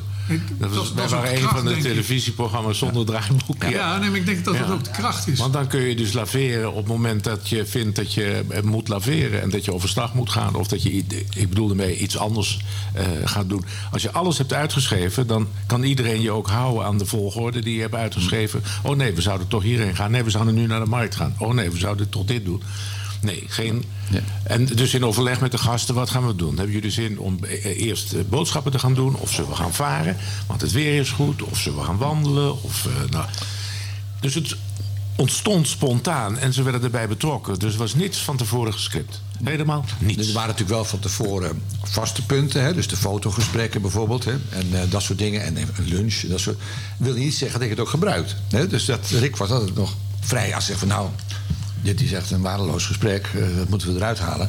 Dan werd het gewoon niet gebruikt. Ik wou net zeggen, hoe werkt dat dan? Dan worden er die twee mensen die komen hoe lang? Twee dagen? Nee, drie. Drie waren Ruim. Drie dagen? In het begin wel. Later werd het twee. Twee volle dagen. Hè? Dus Maar één dat dag neem je allemaal en- op, wat je nee, doet? niet allemaal. We maken echt wel een selectie. Ik bedoel, anders ben je dagen, dagen, Nee, maar het kan zijn dat de camera constant meeloopt... Nee, en dat je nee, daarna gaat nee, zitten nee, en dan... nee, zit- nou, nee. dat was leuk, dat was niet leuk. Nee. Eh, wel, een, eh, wel ruim draaien, maar ook op. op- op- kijk, de- eh, in ieder geval, als ik erbij betrokken was, dan was het zo, en dat is ook, ook meestal wel gegaan, denk ik. Dan komen de gasten aan, dan draaien alles mee. Dan gaan de mensen aan het zwembad zitten. Tenminste, dat is het laatste jaren zo geweest. Dan hebben ze een zitje en dan gaat Rick het eerste gesprek doen. Ze zien nog helemaal niemand, behalve Rick en de cameraman en de geluidsman. En, eh, Jij bent ook op de achtergrond. en de achtergrond, eh, dook ik weg achter en dat hadden ze mij helemaal nog niet gezien. En dan, eh, op een gegeven moment moet je je natuurlijk je kenbaar maken. Nou, dan, eh, dan zeg je van, nou jongens, jullie moeten alles kunnen zeggen. En als je binnen 24 uur, tenminste dat was toen de tijd eh, mijn tactiek, eh, dat was ook met Rick doorgenomen, zei ik, jullie moeten alles kunnen zeggen, maar als je binnen 24 uur spijt hebt van iets wat je gezegd hebt, je hebt iets gezegd over je buurman, over je ex, of weet ik wat, of je toekomstige ex, en je zegt iets, wat je zegt, ja, je ligt s'avonds in bed en denkt, jongens, dat had ik eigenlijk niet moeten zeggen. En je zegt het tegen mij, dan haal ik het eruit in de montage. Maar niet een week later. Dat kan niet. Je moet wel een programma kunnen maken. Dus dat, is, dat was wel een soort overeenkomst. En wat Rick ook altijd deed was... s s'avonds, dus de eerste avond... diner in de, in de villa, maar zonder camera. Maar dan moesten er ook geen gesprekken gevoerd worden... die zouden kunnen gevoerd worden voor, voor, de, voor, voor, de, voor de camera. Dus het moest heel algemeen zijn. Heel erg gewoon, gezellig.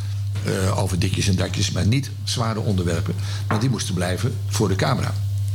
Dus het was altijd een hele opdracht om, eh, Ja. om, om Om dat neutraal te houden. Neutraal Soms deden we het wel eens hoor, de eerste avond, maar niet vaak. de mensen kwamen aan. Dan hadden we meestal al een heel goed gesprek bij het zwembad. En dat, dat, dat is al leuk. En dan kunnen ze wennen. Hè? Dan kunnen ze aan elkaar wennen, kunnen ze aan ons wennen. En dan eh, begin je de volgende dag meteen fris, meteen het ontbijt draaien, meteen op pad, meteen weg. Ja, het is een heerlijke manier van werken. Het is natuurlijk ook heel luxe dat je je gasten een paar dagen bij je hebt en mag interviewen. Hè? Kijk, als je wordt uitgenodigd, wij zitten hier en dit is natuurlijk ook al heel uitgebreid. Dat je twee uur mag praten met elkaar. Normaal gesproken, als je tegenwoordig de talkshows ziet, ja, dan is het vier minuten of vijf minuten. En dan, eh, dan is het weer klaar en dan eh kan je naar huis. En bij ons had je echt de tijd om aan elkaar te wennen, en maar ook om te zien dat je dat het een vertrouwde omgeving is en dat het prettig is en dat het vrolijk is. En, bij de, en de mensen die, die bij ons te gast zijn geweest, die praten dat natuurlijk ook door naar andere potentiële gasten. We kregen een goede naam. Ze zeiden, nou daar is het betrouwbaar. Daar kun je afspraken maken. Ja. Dat is goed. Je krijgt geen messen in je rug. Hè. Je wordt, het is positieve televisie. Ja, dat was het uitgangspunt ook. Hè. De positiviteit. Van welke uitzending heb je gehuild in je bed? Gehuild? Nou, ik, ben- ik, dat je niks vond? Of vind je 14 jaar? nee, ik ben geen huiler. Nee, ik heb niet... Nou ja, heb je heb wel gehuild. Hans laten huilen? Ja, dagen. Nee, ik heb niet. we- hadden wel eens uitzendingen waarvan je dacht, nou, dat, dat verloopt stroef. Maar dan blijkt het bij de montage of bij de uitzending blijkt het ontzettend mee te vallen. Ik bedoel dan, eh, omdat je juist zoveel tijd hebt. En omdat je ook relatief veel materiaal hebt, heb je een mooie keuze en kun je een mooie balans in het programma brengen. En dan vergeet je gewoon de, ja, dat iemand gewoon helemaal geen zin heeft of narrig is of eh, hoofdpijn heeft en, de- en, en niet goed uit zijn woorden komt. Ja, dan vergeet je dat soort momenten, want het eindresultaat telt. Ja, ja. En, eh, Maar ja. ik kan me ook voorstellen, als je dit 14 jaar gedaan hebt... Dan hebben we, hoeveel gasten heb je in totaal gehad? Ik weet niet, 200, ruim 200. 200 Nou, zoveel dan moet je er vast en zeker een paar een ongelofelijke lul gevonden hebben. Nee, die nodigen we niet uit. Nee, dat weet je niet. Nou, jawel, je- kunt behoorlijk selecteren hoor. Dat vind ik wel. Dus dan, eh, dat je niet zomaar. eh, maar- Kende je ze eigenlijk allemaal al? Nee, nee, nee, helemaal niet. Nee. Sommigen die, die, die, vonden het heel prettig om van tevoren een gesprek te hebben, een kennismakingsgesprek. Dus daar ging ik er wel naartoe. Of we spraken ergens af. Eh, die wilde even aftasten hoe de vlag waait. En bijvoorbeeld Pim Fortuyn. Daar heb ik mee gegeten eerst. En, eh, Die is ook geweest. nou en of. En wie was Ja, zijn tegenhanger? Ja, een goeie. Vanessa. Oh, ja. Nou, dat was een fantastische uitzending. Nou, nou, Fantastische ja. uitzending. Ja, de Fantastisch. professor en de... Ja, Ja, geweldig. geweldig. Daar zal ik over, wat over vertellen. Ik word een keer uitgenodigd door. eh, eh, tijdens de Tour de France, die in Nederland eh, was. En daar zit daar een, eh, een hele hoge meneer. In het, in een van de sponsoren. En die. eh, daar zit ik mee. naar- en die vertelt, ja, ik heb politicologie gestudeerd. Ja, raar dat die man in een hele andere business terecht was gekomen. Hij zei, ik heb eh, mijn eindscriptie heb ik geschreven over Pim Fortuyn. Hij zegt, ik heb alle interviews met die man doorgenomen. Alle interviews. Hij zegt, er is maar één interview met Pim Fortuyn... waarin hij alles per- perfect zegt, precies zoals het is... Zoals wat, wat zijn uitgangspunt was. Geen journalist heeft daaraan kunnen tippen. Eh, dat was Rick Velderhof. En Rick heeft zich nooit voorgedaan als journalist. Rick is geen journalist. Rick is in, in mensen geïnteresseerd. En die heeft veel meer uit Pim Fortuyn gekregen... dan welke journalist dan ook. Dus dat wou ik wel even gezegd hebben. Dat is het. Come away with me, moet hij gedacht hebben. Zo is dat.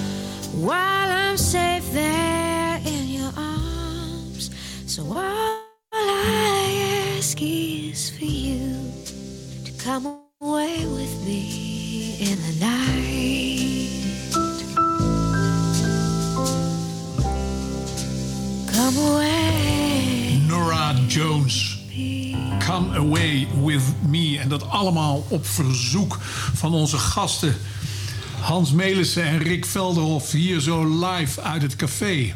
Hoe vind je dat, eh, Rick? Je had het café alleen maar van buiten gezien, maar nu zit je aan de ouderwetse toog. Die zijn er nog maar weinig in Nederland. Nou doen we een beetje, denken aan de stoel. Hè? De, de, de, de gezelligheid van vroeger zit hier overal nog. Hè? De kast van het biljart.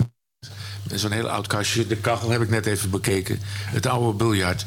Ja, het is, het is heerlijk. Al de potjes in de vensterbank met de gordijnen. Ja, ik vind het een, een, een, een nostalgische eh, locatie. Die we heel lang moeten koesteren eigenlijk. Ja, dat moeten we allemaal. Maar dan moet je Renata aankijken. Dat is de buurvrouw. Die moet hier achter de bar gaan staan. Maar dat is een sideline. Eh, luisteraars, we zitten alweer bijna aan het eind van onze eh, uitzending.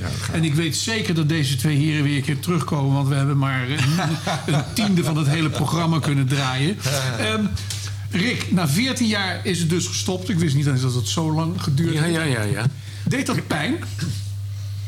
Nou, op een gegeven moment hebben we zelf gezegd, zo is het genoeg. Hè. Het, is fijn geweest. En ik wilde ook nog eh, eigenlijk een soort ander leven beginnen. Ik wilde emigreren. Ik wilde ook eens in Afrika wonen. Of ook eens. Maar ik wilde in ieder geval in Afrika wonen een tijdje. Ik wilde gaan schrijven. Dat vond ik heel erg prettig. Ehm, ja, het was aan de ene kant jammer. Aan de andere kant, 14 jaar is lang, hè? Dat is een hele mooie spanningsboog. En het, eh, we gingen blij weg. En iedereen zei, oh, wat jammer. Oh, wat jammer. Ik denk, dat is het goede moment geweest. Want als je het een paar jaar later of langer had voortgezet... dan, ja, dan hadden mensen misschien toch gezegd... het wordt minder. Of de spanning gaat er bij jezelf een beetje van af. Of eh, je wilde ook eens wat anders. En, eh, dus ik heb het wel met pijn in de zin van dat die pijn nog steeds voelbaar is, dat je eh, het mist. Ik mis het om met mensen op reis te gaan, om s'avonds gezellig te eten, om eh, dingen te verzinnen, om lekker aan het werk te gaan. En als het lukt, om eh, lekker een biertje te drinken. Het, eh, de kameraadschap, dat, dat mis je. Want ik schrijf nu, ik schrijf samen ook met mijn goede vriend Hans hier. Ehm, maar het is heel solistisch. Je bent hooguit met z'n tweeën, maar... Of helemaal alleen. Lang schrijven. En dat, dat, dat is toch wel heel anders dan wanneer je met een ploeg op stap bent. En de kameraadschap en mijn collega's en het maken, het creëren, dat mis ik. Ja, Ja. ja, want, eh, hoe denk jij erover? Want je hebt dat ook, heb je het 14 jaar ook gedaan, meegedaan? Nee, niet alle 14 jaar. Nee, nee, nee, nee. nee. Ben je ontslagen? Eh, ja, eh, ja, ik heb, eh, Rick heeft me enorm geslagen. Ik ben, eh, nee, ik ben even na het eerste jaar weggegaan en ben later weer teruggekomen. En, maar ik ben, had natuurlijk ook mijn eigen dingen ook weer. Hè? Dus dat je met... Zijn eigen en productiebedrijf, Ja. ik, hè? En eh, ik ben op een gegeven moment natuurlijk opeens helemaal in mijn... Ja, door de, mijn verhalen die ik ben, zelf ben gaan uitgeven. eh Chateau Poua was dan het eerste boek. En dat was nogal een, ja, een onverwacht succes. Dan heb ik opeens een uitgeverij. Dus die uitgeverij, ja, die, die moest steeds gevuld worden. Die had bij één eh, auteur. En eh, die moest ik aan het werk zetten. En dat was ik zelf. En dat, eh, dus dat ging ook lopen. En, ja, en af en toe nog andere schrijfklussen, et cetera. En ik kwam opeens midden in die wijnwereld terecht. En die wijnwereld was hartstikke boeiend en leuk. En eh, nou, enfin, het rest is geschiedenis.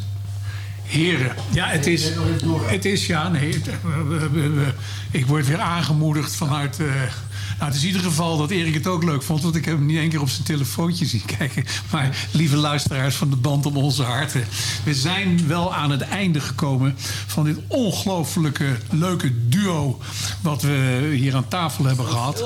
Rick Velderhof en eh, Hans Melissen. En eh, kijk, Erik geeft gewoon met zijn vingers aan hoeveel minuten we nog hebben. En ik lul er echt wel voor. Want er is één ding wat helemaal niet ter sprake is gekomen. En dat is eh, jullie ongelooflijk succes wat je hebt gehad als schrijver. Want jij, hoeveel boeken zijn er verkocht van eh, De Vliegenvanger. De Vliegenvanger? Ja, die heb ik geschreven onder het pseudoniem Ravelli. Ja. Er zijn er 230.000. Kijk, en dat keer tien. Zo, de ju, Rick, man in bonus. Maar daar gaat het niet om. Het is in feite hoe jij ook makkelijk praat met mensen, hoe makkelijk jij ook schrijft. Want het is zo amabel om te lezen. En, en, en, en Hans, jij ook. Met, eh, ja, ik, ik mis je blafboek, want je had een boek geschreven voor honden. Ja, dat komt En die wou ik graag aan mijn zoon geven, want die schijnt een hond te hebben. Nou, dat, eh, daar gaan we daar straks over praten. Want ik mag er niet te veel meer over zeggen na een gesprek wat ik net gehad heb. maar je hebt, Rick en ik hebben samen een boek geschreven. Reisgids voor levensgenieters. Ja, ik, ik heb het van jullie gekregen. Ik zie het hier liggen. En het is eh, geen promotie van boeken. En Nee, dat doen we ook het niet. het is niet meer te krijgen we, ook. we gaan het zo afspreken. Dat is niet meer te krijgen. Allereerst. Een uniek exemplaar. Mannen, Ja. dank Met dat jullie hier gezeten hebben. Eh, alsnog de volgende uitnodiging. Om, en dan gaan we het puur over boeken hebben en al die dingen meer. Maar de wereld kent nu Rick Velder toch een beetje... Mijn been. Je doet af en toe pijn. Doe ik niet hoor. Oh, dat is. eh, dat is eh, ik weet het niet. Ik zag Renate, Renata niet onder de bar kruipen dat je gebeten werd. Oh, dat is die hond. Is die hond, ja. Oh, dat is die Ja, hond. Ja, hond. nee. Nou, maar goed, het was weer mooi. Dankjewel. Het was weer mooi dat jullie allemaal geluisterd hebben naar de band om onze harten. We hadden twee echte heren met een band om hun harten. En eh, ja, hoe kan je dan ook daarmee eindigen met Crazy Love? Tot eh, over 14 dagen. Volgende week ben ik er niet. Hoi, hoi, hoi.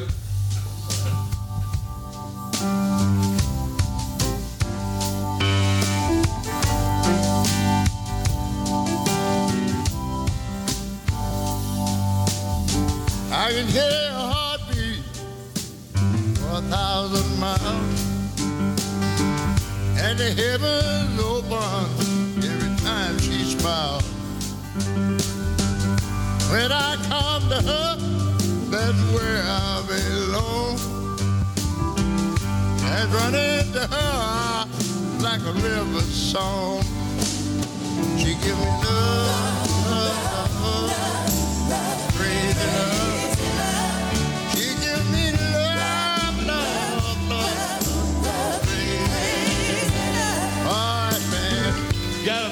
sense of humor All right. when I'm feeling low down. I know what you mean. Yeah, well, I come to her when the sun goes down. Well, Take away my trouble, take away my grief. Take away my heartache in the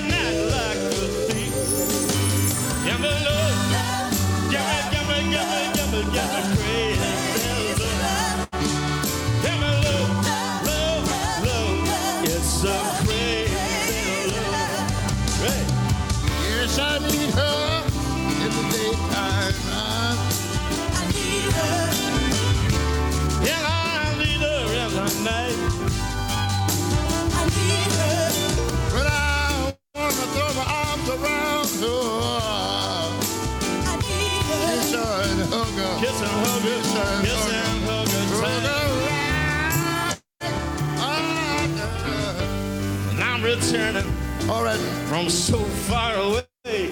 Well, well. Gentle sounds sweet loving, the problem of my day. Sing on, son.